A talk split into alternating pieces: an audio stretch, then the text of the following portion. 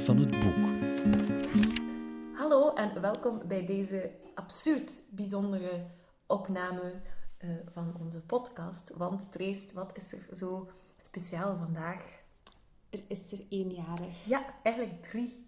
Ja, we zijn allemaal jarig. Ja, voilà. Ja, dus de podcast viert zijn eerste verjaardag. Ja, we hebben zo net ons eerste kaarsje uitgeblazen. Ja, letterlijk. Ja. Eh, ik ben ook jarig geweest. Ja. Sarah is binnenkort jarig. Ja, Dus wow. een verjaardagsaflevering Ja, eigenlijk. voilà. Mooi. Ik ben blij dat we dit met iedereen kunnen delen. Ik ook. Eh, want zo groot zijn onze ego's wel. Ja. Ehm, we gaan ook een boek bespreken. We gaan het niet alleen hebben over onszelf en over onze verjaardagen. Eh, we hebben met onze boekenclub ehm, het boek Het hart is een eenzame jager, eh, of in het Engels The Heart is a Lonely Hunter, gelezen. Ja. Van Carson McCullers. Ehm, en voor onze verjaardag heb ik een glutenvrije eh, en lactosevrije brownie gemaakt. en we Maar drinken... er zit wel eh, chocolade in. er zit zeer veel chocolade in. Eh, en we drinken zoals steeds avondthee van Ja. Puka. Korte inhoud. Trace, heel kort, waarover gaat ons boek? Ons boek gaat eigenlijk over een... Er zijn een aantal personages. In totaal zijn er eigenlijk echt zes verschillende personages. En er is één die hen allemaal samenbindt. En dat is een doofstomme man. Eh, en die, ja, die heeft eigenlijk een heel simpel leven. Overdag werkt hij bij een juwelier. En die, eh, die woont bij een familie. En die gaat s'avonds gaan eten in een of andere diner. Eh, want het is in Amerika in, het, in de jaren 40, denk Ja, ik. Of, of in de jaren 30. Eind jaren 30 in Amerika. Ja. En de rest van de personages, die gaan eigenlijk constant die gaan hun hart gaan luchten bij die man. Allee, vier van de personages gaan hun hart luchten bij die man. Dat is een, een jong meisje, de eigenaar van een diner. Dan een, een beetje een man die in de knoop ligt met zichzelf, maar eigenlijk ook een beetje op zoek is naar sociale evolutie. Een communist Ja. eigenlijk. En dan nog een zwarte dokter, die eigenlijk ook zo wel wat dat Ja. rebels en dat revolutionair in hem heeft. En alle vier zitten eigenlijk heel dat te praten tegen die man en hebben ze het gevoel dat hij de enige mens is die hen echt begrijpt. Ja, het probleem is natuurlijk dat die man doofstom is en die begrijpt eigenlijk helemaal niet zoveel van. Hm. Maar zij denken allemaal van, wauw, dit is hier echt mijn beste vriend. En dan heb je nog een zesde personage, en dat is eigenlijk de zogezegde beste vriend van de doofstomme man. Die hebben jarenlang samengewoond, ehm, op een volledig platonische manier, denk ik. Ehm, maar nu is die man opgenomen in een gesticht, omdat ze, zijn familie denkt dat er toch wel echt iets aan hapert. Dus dat zijn de zes personages. En het gaat eigenlijk over wat er hen overkomt, maar vooral over wat dat ze denken en wat dat ze geloven. Ehm, en hoe dat die doofstomme man daar een soort van Ja. invloed op heeft. Ja. Het, is, het is, klinkt heel vaag. En toen ik de achterkant las, dacht ik ook van, ja, maar hoe dan wel? Maar hoeveel je daar nu 300 pagina's in? Mhm. Maar het komt wel echt, echt tot leven als je het Ja, leest. zeker. Feitjes.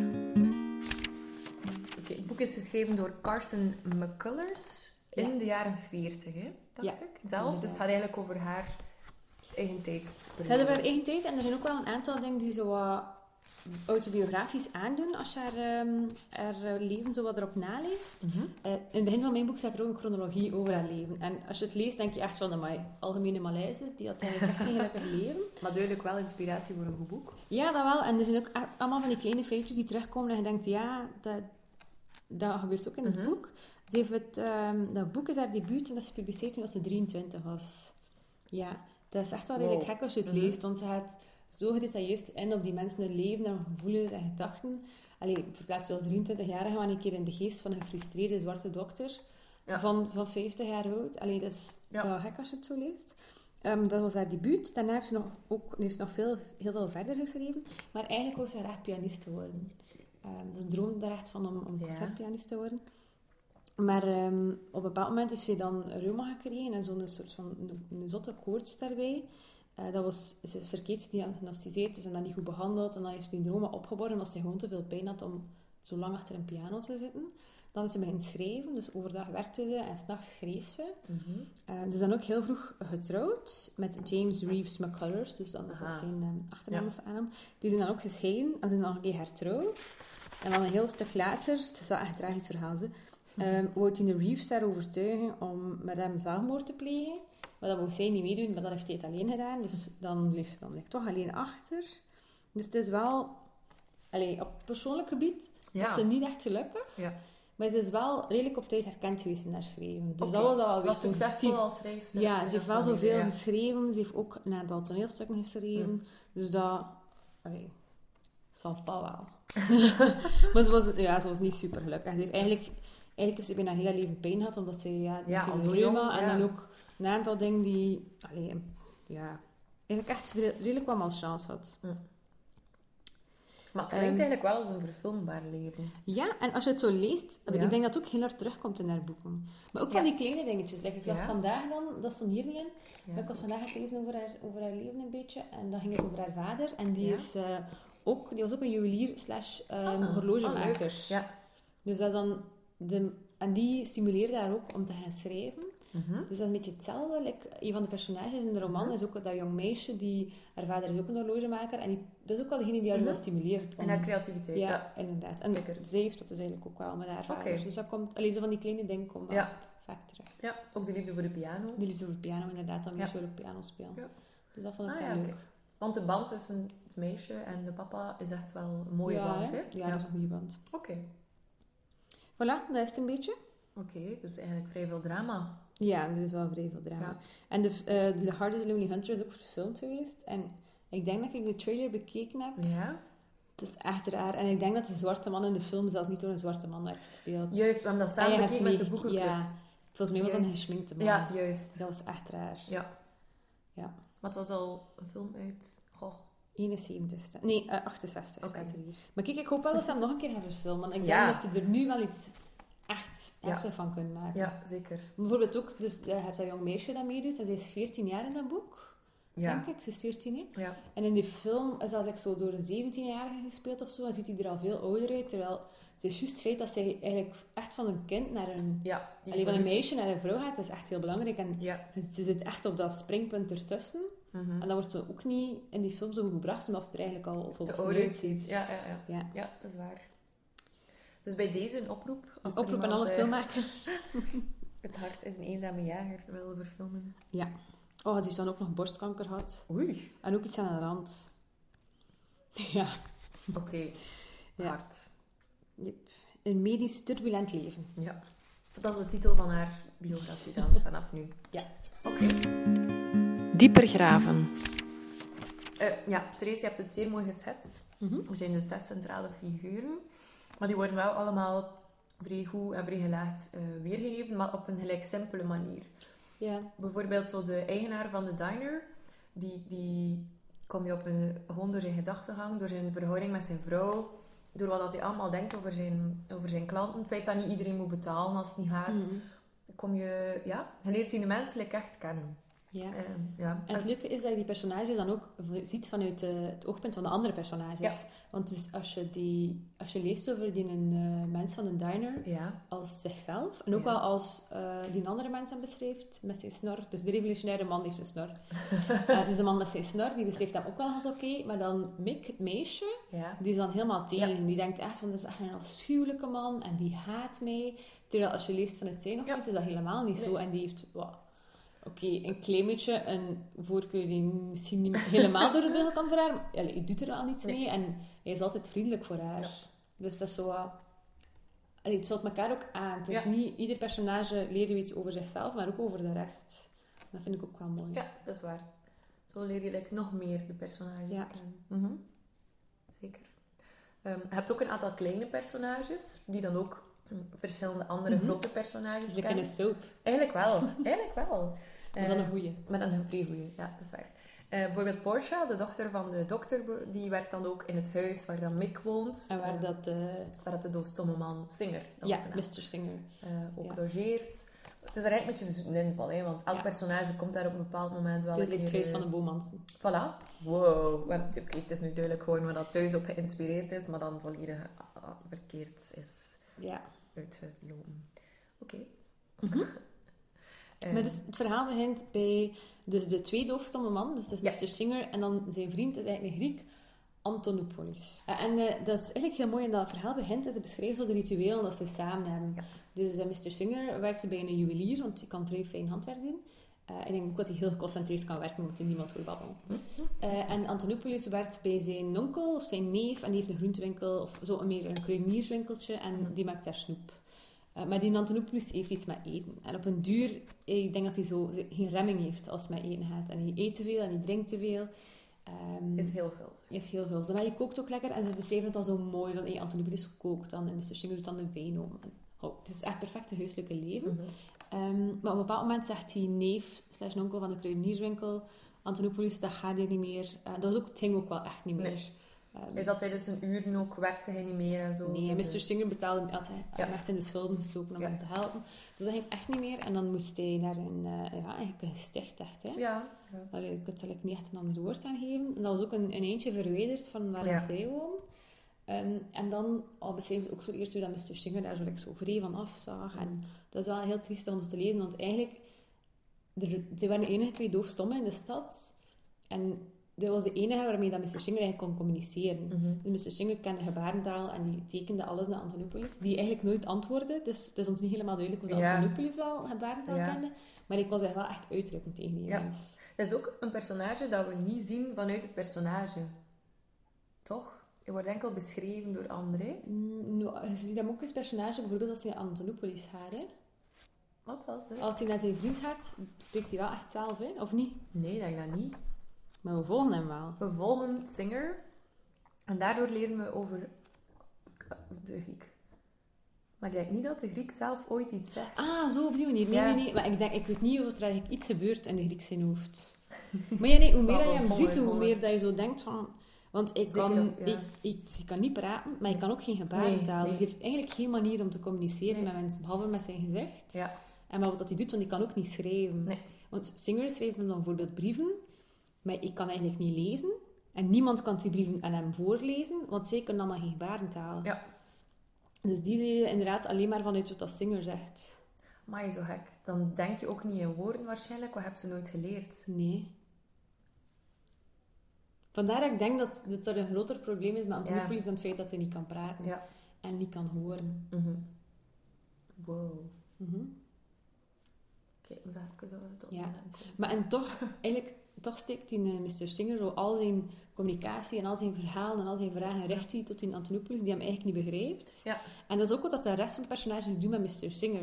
Dus zij leggen ook een hart bij hem, die vertellen een verhaal, die delen hun twijfels over het leven. En dat zijn mhm. echt heel veel twijfels over het leven. die delen die ook allemaal met hem, maar die, hij verstaat dat ook niet. Ik kan daar ook niet echt iets mee doen, behalve knikken. Ja, dus, terwijl dat ze wel allemaal het gevoel hebben, dat, dat stuk voor stuk, ja. dat ze hem zo begrijpen. Mhm. En dan... Ja, Mr. Singer zegt ook over Antonopoulos, is echt mijn enige vriend, ja. is de enige wie dat ik er allemaal kan vertellen. Ja. Natuurlijk, hij reageert er niet op. Ja. Ik kan blijven vertalen op die manier. En dat is eigenlijk wel een beetje het thema van het verhaal. Want eigenlijk kunnen we allemaal niet communiceren met elkaar. Mhm. En misschien is de beste manier om te communiceren wel met iemand die niet luistert. Het is wel... Allee, het is, het is een leuk boek om te lezen, maar als je er hard over nadenkt, dan wordt het wel zo wat triester. Ja. ja, het is zo confronterend voor de mensheid of zo. Ja. ja. ja. Want zeker als dan elk personage heeft zo'n beetje zijn doel of zijn, zijn passie. Ja. Of, um, en ze gaan allemaal ergens naartoe, denken ze. Ja, ze willen allemaal ergens naartoe. En als ze dan een soort hoogtepunt hebben daarin, ja. dan, dan lukt het eigenlijk niet. Bijvoorbeeld de dokter, als hij dan zijn pleidooi probeert uit te leggen op een zeer laag niveau. Ja, dus de dokter is, is vrij bezig met... Er is een, grote zwarte gemeenschap in de stad. En die dokter is vrij bezig met... Ja, we moeten allemaal ons best... Ja, emancipatie ja. en gelijkheid. En we moeten er allemaal voor gaan. En we mogen ons niet verliezen in, uh, in whatever, eh, in drinken, want hij drinkt zelf niet. Of uh, hij is ook zo... Zijn kinderen spreken allemaal zo van dat Afro-Amerikaans. En hij spreekt echt super uh, standaard Engels, gewoon uit principe. En die vindt van, ja, we moeten allemaal doen. We moeten ons eigenlijk een soort van volksverheffing dat hij wil doen, ja. denk ik. Ja. En emancipatie. Op het einde van zijn leven... Allee, op het einde van zijn leven, op het einde van de roman, het is waarschijnlijk mm. niet het einde van zijn leven, kijkt hij dan like, zo rond zich en beseft hij van, eigenlijk heeft het allemaal niet zoveel uitgemaakt. Dus heeft zo, zijn kinderen heeft hij van die namen gegeven als Karl Marx en Hamilton en zo. En die heeft echt zo vanuit het idee van, ze gaan die ideeën van mij mm. verder zetten. En uh, als, ik ben maar met één, maar zij zijn met vier. En als we allemaal samen eraan werken, gaat dat zeker allee, moeten wij iets kunnen bereiken. Mm -hmm. Maar op het einde van zijn leven, ja, uh, dat is allemaal niet gebeurd. Hij, hij, spreekt zelf zo heel deftig Engels vanuit het idee van, we moeten, dat is ook onze taal. Wij, hebben, wij kunnen ook zo communiceren. Dat is echt een beetje volksverheffing en zo. Maar zijn kinderen praten dan van dat echt Afro-Amerikaans, een beetje plat. Uh, wat, wat dat wel leuk is Ja, dat is wel leuk om te ja. lezen, inderdaad. Dat, mm -hmm. dat, dat brengt het wel zo wat in couleur lokaal mee. En uh, zijn zoon raakt dan ook zijn twee voeten kwijt als hij in de gevangenis zit. Mm -hmm. Het is echt... Allee, dan beseft je van waar ben je bereikt in die, Ja, in die jij 30 ingezet? jaar of zo dat ik nu dokter ben. Want dat is ook... hij- dus zijn ouders hebben super hard gewerkt. Hij, is, hij heeft ook hard gewerkt, hij is dan dokter geworden. En zijn kinderen, ja, zijn zoon kan niet meer werken omdat hij geen voeten heeft. Zijn andere twee zonen werken op de boerderij. Mhm, En zijn dochter is eigenlijk de huishoudster. mhm. Terwijl hij denkt van, ik heb mij al opgeklommen tot dokter, wat kunnen zij niet bereiken? Ja. Maar het, het boeit hen nee, ook niet, dus dat is ook het ding. Het is Ja. niet van, ze kunnen het niet. Allee, het is wel een vrede tegenslag van die ene jongen zijn voeten. Maar ehm, ja, het boeit hen inderdaad. Ja. Ze zijn eigenlijk wel content like dat ze Mhm, zijn. mhm. Dus ja, dat is wel een beetje triest. En zo hebben ze eigenlijk wel allemaal een droom. Dus de meneer met de snor, Jake Blount, die is ook zo... ehm, die heeft ook zo al van die ideeën van soort revolutie. En hij denkt dat hij in Mr. Singer een medestander gevonden Ja. heeft. En hij zegt ook heel de tijd tegen die de Singer van... Ja, hé, en wij kennen de waarheid. En we hebben een gezamenlijk doel. Op een bepaald moment zegt Singer dan ook van... Ja, die kerel praat hier heel tijd over die waarheid met mij. Maar ik weet niet waarover dat gaat. En dat is zo triestig. Ehm, Maar zelfs dan die twee, ja. die ja. alle twee bezig zijn met communistische idealen, mogen we wel Mhm, zeggen. ja, zeker. Zelfs die verstaan elkaar niet. Nee. Als Want- die, er is dan één discussie, mogen we wel zeggen, Ja. over dat ideaal, of dat, ja, het idealisme ervan. En zelfs daarin praten ze compleet naast elkaar. Dus, En echt over details, want ze Ja. willen eigenlijk alle twee hetzelfde, namelijk een marxistische revolutie. Maar vanuit een andere ideologie, want die dokter wil dat om voor gelijkheid voor zijn Mhm. volk eigenlijk. En die Jake Blount is al meer echt zo over de arbeider, Mhm. blablabla. Maar ze willen wel hetzelfde. Mhm. Maar omdat ze net die andere achtergrond hebben en die andere ideeën daarover, lukt dat dan toch niet. Ja. En loopt ik helemaal uit op een scheldpartij. Mhm. Ja. Eh, dan het meisje, Mick, zoals ik al zei, die wil graag pianiste worden. En, ehm, maar ze komt uit een arm gezin. Dus Ja. dat gezin was eigenlijk al niet zo rijk om mee te beginnen. ja. En dan plotseling gebeurt er ook iets in dat verhaal en je denkt van, alleen maar zo, ah. het is iets, ik ga nu niet vertellen wat het Nee, is, het moet nee. een beetje spannend. Maar het is iets dat zo in een vingerknip echt zo uitgemaakt heeft, dat dat gezin nog veel meer miserie Ja. kreeg. Ehm, waardoor dat ze uiteindelijk ook gewoon stopt met naar school gaan en veel te vroeg eigenlijk volwassen wordt. Want ze is Ja. 14 en ze- je voelt echt zo aan van... In het begin van de roman is ze echt zo nog een, Ja. kind. Ik ga zelfs niet zeggen een meisje, het is echt een kind. En ehm, ze begint al zo wat te verkennen hoe dat, dat is om volwassen te worden. En dan plotseling moet dat like, vrij snel gaan. Ja. En op het einde van die roman is ze dus eigenlijk op haar 14, 15 jaar volwassen. Ja. En dat is ook wel triest. hè. Mhm. En dat, dat wordt ook, allee, je, je, je verneemt dat door wat er met haar gebeurt, maar opnieuw, de andere personages die haar zien, beschrijven dat ook van, zelfs in haar kleren bijvoorbeeld, Ja. uiteraard omdat ze gaat werken, kan ze niet meer in haar allee, speelkleren rondlopen. Maar die, die zeggen ook van, amai, die is like, plots zo volwassen geworden. Ja. Dus eh, die gelaagdheid weer. hè. Yep. En dan hebben we nog ons, ons zesde personage, dus dat is de meneer van de diner. Ja. zijn naam kwijt. Biff. Biff, juist Biff, haar naam. Ja, En dat allemaal. vond ik wel geniaal, want die wordt door andere personages zo vaak beschreven terwijl hij aan zijn neus komt. Die Ja. komt de hele tijd aan zijn neus. Ik weet echt niet waarom. Mhm. En eh, op een bepaald moment beschreef Singer ook zo zijn, zijn vier vrienden die altijd op bezoek komen. Mhm. En dan allee, beschrijft ze zo alle drie. En dan zegt hij op het einde... En die, die man die altijd aan zijn neus zit. Mhm. En dat is dan Biff. Eh, en dat is eigenlijk een van de eerste personages ook dat je volgt, Ja. denk ik, dat je leert kennen. En het is super vreemd. Eh, Hij is iets aan het beschrijven hoe alles gaat. En dan zegt hij plots van... Ah ja, en plotseling had mijn vrouw iets aan haar hoofd en een uur later was ze dood. Ja. En dan denk je van, oei, dat was wel heel plots. en dan zie je zo dat hij zich aanpast aan dat leven zonder haar. En dat is ook zo speciaal. Want hij doet zo heel de slaapkamer opnieuw, maar dat wordt zo super vrolijk. En hij draagt een ringsje aan zijn vinger en Mhm. draagt parfum. En als hij haar beschreef daarvoor, dan allee, had je niet het gevoel dat er echt vrij veel liefde was Nee. in dat huwelijk. En, want ze, hij werkte s'nachts en zij overdag. En ze vonden het eigenlijk best als ze elkaar zo min mogelijk zagen. En plotseling, als hij dood is, dan wordt hij precies die Ja. vrouw. Het is echt iets heel speciaals. En dat is ook wel het personage waar je misschien minst echt zo diep, diep kunt gaan. Want je weet wel dat hij dat allemaal doet. Mhm. Maar je weet niet goed waarom. Nee, hè? Nee, dat is waar. Maar wel een interessant figuur. En ik heb ook het gevoel, als hij praat tegen Dr. Singer, dat hij degene is die zich minst van al blootgeeft. Ja. Ja. Alleen vergeleken met de rest, ja, Mick is eigenlijk bijna alles aan, Ja. aan die Mr. Singer. De rest eigenlijk ook, alhoewel het dan meer over politieke ideeën gaat. Ja, maar ik denk dat die hij ook vooral interessant is omdat hij zoveel mensen ontmoet in zijn eh etablissement. Ja, dat is waar. Ja, Dat is ook een, een sterk verbindende persoon. Hè? ja dat is zeker. Het is een beetje Luke van de Gilmore Girls, maar dan waarschijnlijk minder... Allee. ja, misschien is het niet helemaal like Luke van Gilmore Girls. Er wordt veel verwezen vandaag naar populaire cultuur uit de hedendaagse maatschappij. Ja, dat is wel waar. Maar ja, we zijn jarig, hè, dus we mogen kiezen wat we Oh, ja, it's our party. You can cry if you want to. Ja. Ehm, ja, en eigenlijk is dat wel interessant, want veel mensen praten ook tegen hem, terwijl hij daar niet per se boodschap aan heeft. En hij praat dan tegen Mr. Singer, die daar niet per se boodschap aan heeft. Mr. Singer praat dan tegen Antonopoulos, die daar niet per se boodschap aan heeft. Die ook niet... Niet beseft. Ja, dus het is eigenlijk weer een voorbeeld van die Ja. eenrichtingscommunicatie. Ja, Bizar. we hebben. Ja. Eh, wat dan misschien ook het ver- beter verduidelijkt, is dat je per hoofdstuk eigenlijk één personage volgt. Ja. Maar toch bouwt elk verhaal gelijk zo wat samen verder doorheen de... ja, want de- het vindt wel allemaal tegelijk ongeveer Ja, plaats. ja, ja, ja. Dus inderdaad, het bouwt altijd verder op elkaar. Hè. Maar het is altijd eentje dat je de... Allee, er staat één personage per hoofdstuk eh, Mhm. centraal. Maar toch gebeurt alles wel verder. Dus je, je verneemt dan hoe dat is met een ander personage, maar door het hoofdpersonage van Ja. het hoofdstuk. En die hoofdstukken, eh, die drie, eh, nee. En die verschillende hoofdstukken zijn onderverdeeld in drie deel. Ja. En het eerste deel gaat echt nog over het leven van Mr. Singer en Antonopoulos samen. Mhm.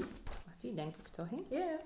Dat klopt. En dan het middelste deel, dus eigenlijk het grootste, deel 2. Ja. Dat gaat over eh, eigenlijk die drie, nee, die vier personages die heel Ja. hun leven vertellen. En, En ehm, wanneer dat meneer Singer dan woont bij de Ja. grote familie. Ja, inderdaad. En dan het laatste deel is... eh, op een bepaald moment is Mr. Singer er niet meer. Ik ga daar niet meer over vertellen. Eh, en dan gaat het eigenlijk over dat zij daar allemaal mee omgaan. Dan is het eigenlijk maken ze zo in dat laatste mooi. deel, deel 3, een beetje de rekening op van wat is er nu eigenlijk gebeurd. Mhm. In, wat was dat, een half jaar of zo, of een jaar? Ik denk dat het een jaar Dat was. ja, het- ja. het zat er Ja, maar dan denk je daarover na, wat is er nu gebeurd? En dan is het ook... Het is echt een beetje een epiloog eigenlijk, hè? Hoe gaan ze nu verder? Eh, wat heeft, hoe zijn ze veranderd in dat jaar? Dus dat is eigenlijk hoe- een beetje de samenvatting. Hoe kwaad dat eigenlijk iedereen een beetje is op meneer Singer dat, hij weg is. ja. Zo van, hoe, hoe kun je mij dat nu aandoen? Ja, inderdaad. Lijkt dat, lijkt dat dat zo Mr. Singer zijn persoonlijke keuze was geweest. Van, Ja. Mick, ik ben hier weg door u. Ja. Of, ze dat dat helemaal niet zo zijn. Want ze denken dat alle vier ook dat het echt een persoonlijke boodschap is aan henzelf dat hij weg is. Ja. Maar dat is dus inderdaad niet. Nee, ze betrekken alles wel vrij op zichzelf. Mhm. Ik ga nu niet zeggen dat ze egocentrisch zijn. Onderstreept. Ik heb opnieuw een boek geleend van de Biep. En eh, ik ga het opnieuw moeten ontplooien straks.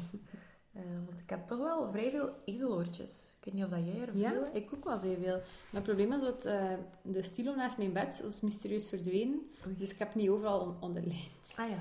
Dus soms is het een beetje zoeken. Ehm, moet ik beginnen? Ja, begin maar. Zeg maar. Ehm, mijn eerste flapje eh, is dus Mick, die, dus het meisje dat vrij met klassieke muziek bezig is. Die gaat eigenlijk soms onder het raam zitten van een huis waar dat ze, als ze geluk heeft, luisteren naar een radio die klassieke muziek speelt. Ehm, en ehm, ze beschrijft een, moment waar ze naar die muziek luistert en dat heb ik aangeduid. Dus, maar misschien vond ze het laatste deel van de symfonie nog wel het mooist. Dat was blije muziek, alsof de beste mensen van de wereld vrij en onbekommerd liepen te rennen en te springen. Zulke prachtige muziek was de ergste pijn die er bestond. De hele wereld klonk in deze symfonie en zij kon het allemaal niet in zich opnemen. Ik heb die ook staan. Is het waar? Ja. En ik heb hier een oortje. Ik vermoed dat daardoor is. Cool. Wat dan in het Engels? Maar ik ga het niet nog een keer voorlezen. Ah, nee. Eh, Kijk, je kunt het nu direct al Ja. ontplooien. ah ja. Dus de, de meneer met de snor, ben ook zijn naam. Jake. Jake. Dus de, de, de gefrustreerde communist of zo. Ja. Ehm, ik had zo'n indruk dat hij echt een vatse fantje was. Omdat hij zo dik is en zweet. ja. Ik weet niet wat die dik is, maar dat is Ah, in mijn hoofd is hij gigantisch dik. Ah ja, ik weet dat die als het groot is. Ik denk ook wel zo wat breed. Ah, en ja. misschien met een bierbuik. Ik zag eigenlijk John Goodman voor mij. Ja. Maar kleiner. Ja, ik had een cartoon van hem in mijn hoofd. Maar is ook zo, ik weet niet die... Met mijn hoofd is hij ook zo kaal, met zo'n grote snor dat altijd zo wat zweet in hangt. Ah, ja, zweet. Maar ja, alles is niet als een aantrekkelijk personage. Nee. Nee. Ehm, ik had een passage aangeduid die dat zo ook weergeeft wat een vies manneke dat gelijk is. Ja. Like, ehm, hij komt zo in die kamer dat hij dan huurt. Ja. Dus er staat op dat hij thuis kwam en dan hij ging op de rand van het onopgemaakte bed zitten en kauwde verbeten op zijn zwarte afgebrokkelde nagels. De bittere smaak van vuil bleef in zijn mond hangen. Het gevoel van eenzaamheid was zo hevig dat het hem panische angst aanjoeg. ik vind dat like, super goed weergeeft wie dat hij is. Ja, Hij is ook echt bang om alleen te zijn. En hij is zo vies ventje. Hij is ook en- zo wel, want ik, in mijn hoofd was hij wel zo wat groot en breed en al, want hij werkt ook zo als halve Ja. buitenwipper. Maar dat is ook nog een contrast met het feit dat hij inderdaad zo eenzaam is en dat hij zo niet weet wat gedaan met zijn eigen. En Ja. kan ik echt niet gewoon alleen zijn. Nee. Waardoor hij altijd naar Mr. Singer moet gaan. Ja. Of heel veel En daar ook veel slaapt eigenlijk. Ja, hij blijft ja. inderdaad nog vaak een beetje Ja. hangen. En een designer. Ja. Ja, Ehm, ja misschien is... Een, maar ik zie nu het volgende passage dat ik onderlijnen. Het gaat ook over die eenzaamheid. Dus we hebben het er al over gehad. Ze kunnen allemaal niet babbelen met elkaar. Mhm. En dat stimuleert dat natuurlijk wel. Ehm, dus van mij is het weer Mick. Die zegt dat ze... Dus ze woont in een... Dat huis in mijn hoofd is zo... Zo wat bouwvallig, Ja. met zo zonder ramen of zo. Waar dat iedereen constant door elkaar loopt. Er zijn ook veel kleine kindjes. Dat er altijd veel lawaai is. En die kinderen hebben ook altijd zo maar half kleren. Ja, en, en ook zo eten op hun ja.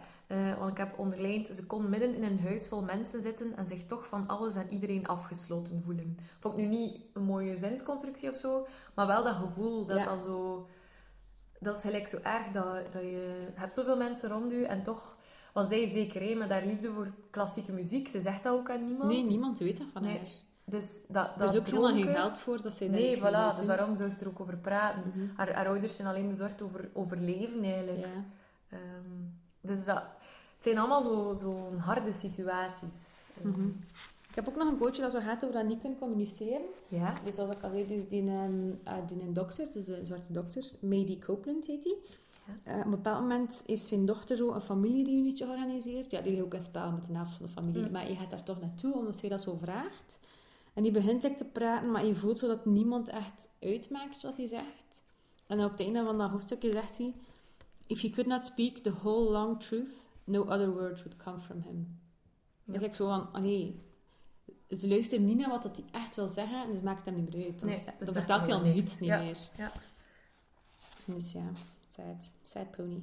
Je krijgt ook een vrij, goeie, vrij goed beeld van de sfeer in die stad. Ja. Je hebt ook zo een beetje het gevoel dat je weet waar dat alles is. Zeker omdat Mick eh, wandelt dan ook zo vaak s'nachts rond Ja. en al, en dan heeft ze zo die sfeer al Ja. Eh, en ook zo over de, de harde weersomstandigheden of zo. Het is, de ene keer is het extreem warm. En dan een ander moment is het ook winter. Dat je, je voelt het zo. Ik had hier nu ehm zo'n koude winter als deze had de stad in geen jaren meegemaakt. Er zaten ijsbloemen op de ruiten en de daken waren wit van de rijp. Maar dan is het ook zo plotseling februari en is het super warm. Ja. Dus ik denk dat die, die winter voor ons dat waarschijnlijk nog vrij meevallen. maar ik heb ook ehm, een stuk gevonden nu in een brief dat hij schrijft aan Antonopoulos. Ja. Het is een beetje langer, maar het is wel vrij goed weer wat hij eigenlijk vindt van die mensen. Ja, Ik ga het op het gemak voorlezen. lees maar. Dus hij praat tegen Antonopoulos over die vier mensen. En hij zegt... They are all very busy people. In fact, they are so busy that it will be hard for you to picture them. Ja, side note. Hij schreef naar Antonopoulos, maar die kan het niet lezen. Dus het is eigenlijk echt voor hetzelfde geschreven. I do not mean that they work at their jobs all day and night, but they, that, that they have much business in their minds always that does not let them rest. They come up to my room and talk to me until I do not understand how a person can open and shut his or her mouth so much without being weary. En dan staat hij even iets over die eh, eigenaar van een diner, over Biff. Ja. En dan zegt hij over de rest, dus over Mick en Jake Blount en eh, de dokter. The others all have something they hate. And they all have something they love more than eating or sleeping or wine or friendly company. That's why they're always so busy. Dus die, vijf, die vier mensen, eigenlijk die drie mensen, Mhm. die hebben allemaal zo'n zotte passie en zotte droom, maar ook zo een echte afkeer van bepaalde dingen. Dat dat lijkt voor dingen dat ze altijd bezig zijn. Mhm. Ze, ze kennen eigenlijk geen rust daardoor. En dat is waar, want Ja, Mick is altijd zeker. bezig met haar ideeën. Ja. Nu en Jake ook. De enige manier om zijn hoofd stil te krijgen is door gewoon Alcohol. alcohol te drinken, dat door er helemaal los in te gaan. Die zegt daarover ook: The one with the moustache is crazy, I think. Sometimes he speaks his words very clear, like my teacher long ago. Other times he speaks, he speaks such a language that I cannot follow. Dus ja, die mensen zitten daar heel tegen de babbelen. Mm. Singer heeft eigenlijk geen idee wat het zegt. dus in die brief kom je Wordt zo alles ja, te weten. dat je zo, want tot daar, dat is pas eh, Ja, over de helft van ja. het boek, tot daar heb je geen idee Nee, wat dat Singer denkt van die mensen. Ik vond het ook een superleuke passage, omdat je dan inderdaad eigenlijk weet van, begrijpt Singer die mensen eigenlijk wel? Maar je weet wel dat hij kan, hij kan lip lezen, maar ook niet super goed, maar. Zeker als ze allee, helemaal passioneel opgaan Ja. naar wat ze vertellen. Die zegt hier ook over, over Mick. The girl used to dress in short trousers like a boy, but now she wears a blue skirt and a blouse. Ja. Dus dan is echt zo die transitie aan het maken. Ja. She knows I am deaf, but she thinks I know about music. Dus Mick vertelt constant over muziek. Dus het is eigenlijk de enige persoon waarmee ze haar passie deelt. ja. Maar die mens heeft nog nooit muziek Nee. gehoord. Dat is zo absurd. Want op een bepaald moment koopt hij ook een radio voor op zijn kamer te zetten voor zijn bezoek eigenlijk. Ja. En Mick gaat daar constant naar de radio gaan luisteren. Maar zij maakt daar ook zo nooit echt die bedenking van waarom heeft hij dat nu gedaan. Goeie kerel. En het is ook hier pas dat je te weten komt wat er eigenlijk mis is met de dokter. Want die dokter vertelt zelf wel dat hij zo'n beetje moddig Ja. is en een beetje ziek en al. Maar dan hier ontdek je dat hij gewoon TBC heeft. Ja. Dat is zo gek, want bij die dokter doe ik dat dat niet zo erg is. En die, Ja, dat je een beetje verkouden Ja, hè. is ja, ook ja. niet top. En, maar ja, die heeft geen tijd om te rusten, want hij is de enige zwarte dokter. En Ja. zwarte mensen gaan niet bij een witte dokter. En dus je moet al die patiënten zelf Ja. doen. Het is ook super veel ziekte, want ja, die huisvesting is helemaal niet oké. Ja. Je En als dan hij het niet gaat doen, gaat niemand anders doen. En ondertussen is hij gewoon aan het sterven van de TBC. Mhm. Dus dat is ook wel gek. En nog een keer verder bladeren, hè. Dat was een lange, goede quote. oh, en de volgende gaat ook nog over Dr. Singer. Maar dus, eh, in het begin is hij vooral ontdekt door die vier mensen. Maar je, je wandelt vaak door de stad en iedereen projecteert van alles op hem. Ze denken Mhm. allemaal dat hij ze kent en dat hij eh, een, een vriend en je kunt er alles aan kwijt. En dan wordt dat samengevat op het einde van dat hoofdstuk. Ik ga even adem halen. Belangrijk. Um, the rich thought that he was rich, and the poor considered him a poor man like themselves. And as there was no way to disprove these rumors, they grew marvelous and very real. Each man described the mute as he wished him to be. Mhm. Dus ja, ze denken allemaal dat hij de beste vriend is. Ja. Dat ze er alles kunnen naar vertellen. Ja. En dan heb ik nog eentje over... ehm, dus ja, op een bepaald moment worden ze allemaal geconfronteerd met het feit dat die droom van hen niet waar gaat worden.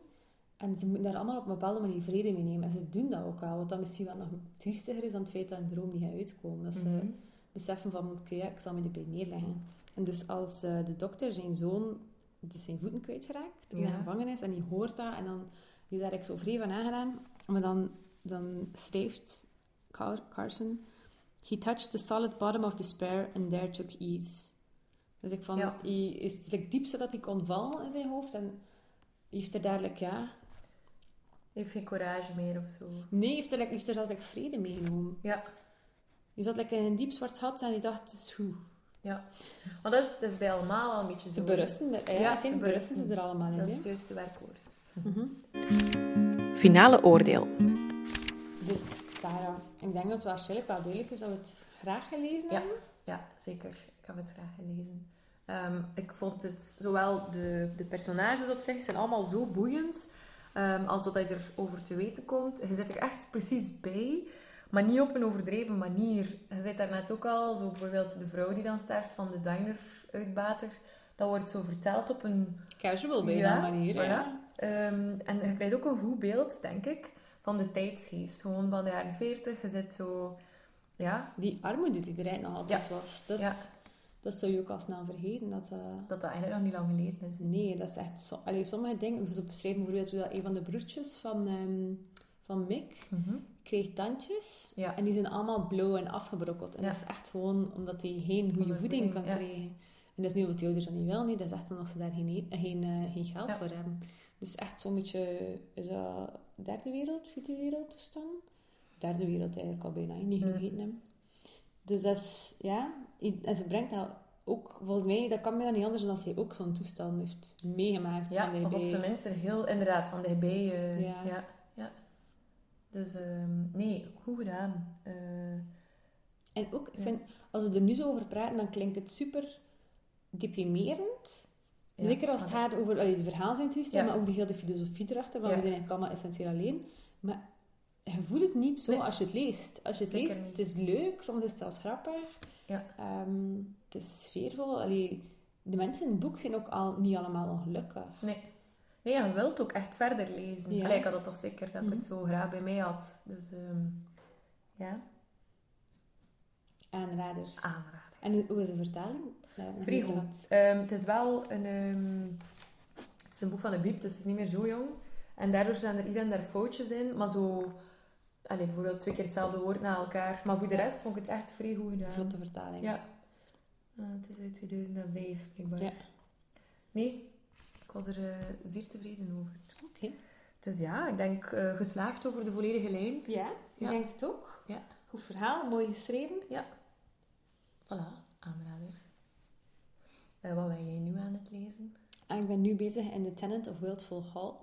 Ja. Dus het is wel echt vrij mooi. Het is een boek van Anne Bronte, dus het is de minst bekende van de drie Bronte-zussen. ja. Eh, en het is ook een van de eerste feministische romans. Maar dat wist ik niet toen ik hem be- begon. Ik was hem eigenlijk begonnen... Ik had hem eigenlijk gekocht omdat het een mooie cover was. Mijn Dat excuses. mag, het zeker. overkomt mij ook. Ehm, en toen dacht ik, ja, ik heb al zoiets zin in, zoiets 19e eeuw, zo met de hersenen. Ik vind dat tof. Ja. En dat was ik begonnen en dacht ik, oh nee, het is een briefroman. En ja, ja, ach, ik vind het zo moeilijk om mee te voelen met een briefroman, maar ik voel ik helemaal mee. En het is echt... Het is ook gek, want allee, als je iets 19e eeuw leest, ga je daar meestal wel in mee. Maar ik heb het gevoel nu, ze praat like echt tegen mij. Allee, het is echt zo'n personage dat ik echt goed ken. Oké. En dat is ook wel zo bij Jane Eyre, maar niet bij alles. Allee, ze ze oversteeg zo'n beetje dat manieristische dat er soms is. Oké. Ik ga er zeker nog over praten, want nu kan ik niet alles zeggen. Ja. Maar het is echt, echt een mooie roman. En het is ook zo gek, omdat je denkt van, ja... Allee, ik begon dat te lezen en ik dacht... Oh ja, dat is eigenlijk nog feministisch aan de inslag. Zo'n korte passage over opvoeding van jongens en meisjes en al. Ah, ja. Maar toen is het nog niet, maar het is echt helemaal... Het is echt over een vrouw die haar man verlaat. Maar in de eerste helft van de 19e eeuw was dat Ja. niet zo iets dat idee. Mhm. Ehm, ja. Oké. Zeker nog meer in de toekomst daarover. Oké. Als jij gaat lezen. Ehm, ik ben begonnen in Fortuin en Furie Ja. van eh mevrouwtje Grove. Eh, Die stond al even op het die stond er al even op. Ik ben bezig met mijn eh, voornemens aan het doen. We zijn oktober, eind oktober. Dus eh, ja, nee, tot nu toe ben ik ook wel... Mhm. ja, maar ik zit nog te weinig ver om al voldoende... Om grote uitspraken te doen. En dan is er nog een boek dat ik zo wel even mee bezig ben. Een klein leven. en daar, ik denk dat ik iets cadeau ga doen als je hem uitleest voor het einde van het jaar. Ehm, oh, maar ik weet het niet. Ik weet het niet. Ik kan altijd niet... een dik boek.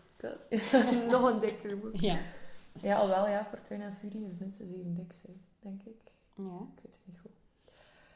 Komt goed op een dag, op een dag. Maar eind van dit jaar weet ik niet goed.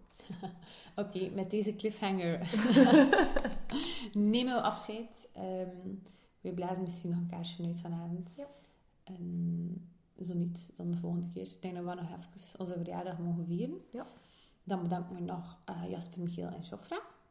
Weet niet of dat we nog iemand anders moeten bedanken. Sarah voor de taart. Het is graag gedaan. Ja. Eh, ik bedank ook jou voor jouw aanwezigheid. Ja. en je mening. ja, belangrijk. Ehm, ik vind het wel leuk als mijn mening naar waarde geschat wordt. Zeer Het zeker. is ook wel handig als we dezelfde mening hebben. Ja, ja. Dan is het iets makkelijker om iemand anders zijn mening te appreciëren. Ja. Oké, bij deze noot nemen we afscheid. en tot de volgende keer. Tot de volgende. Einde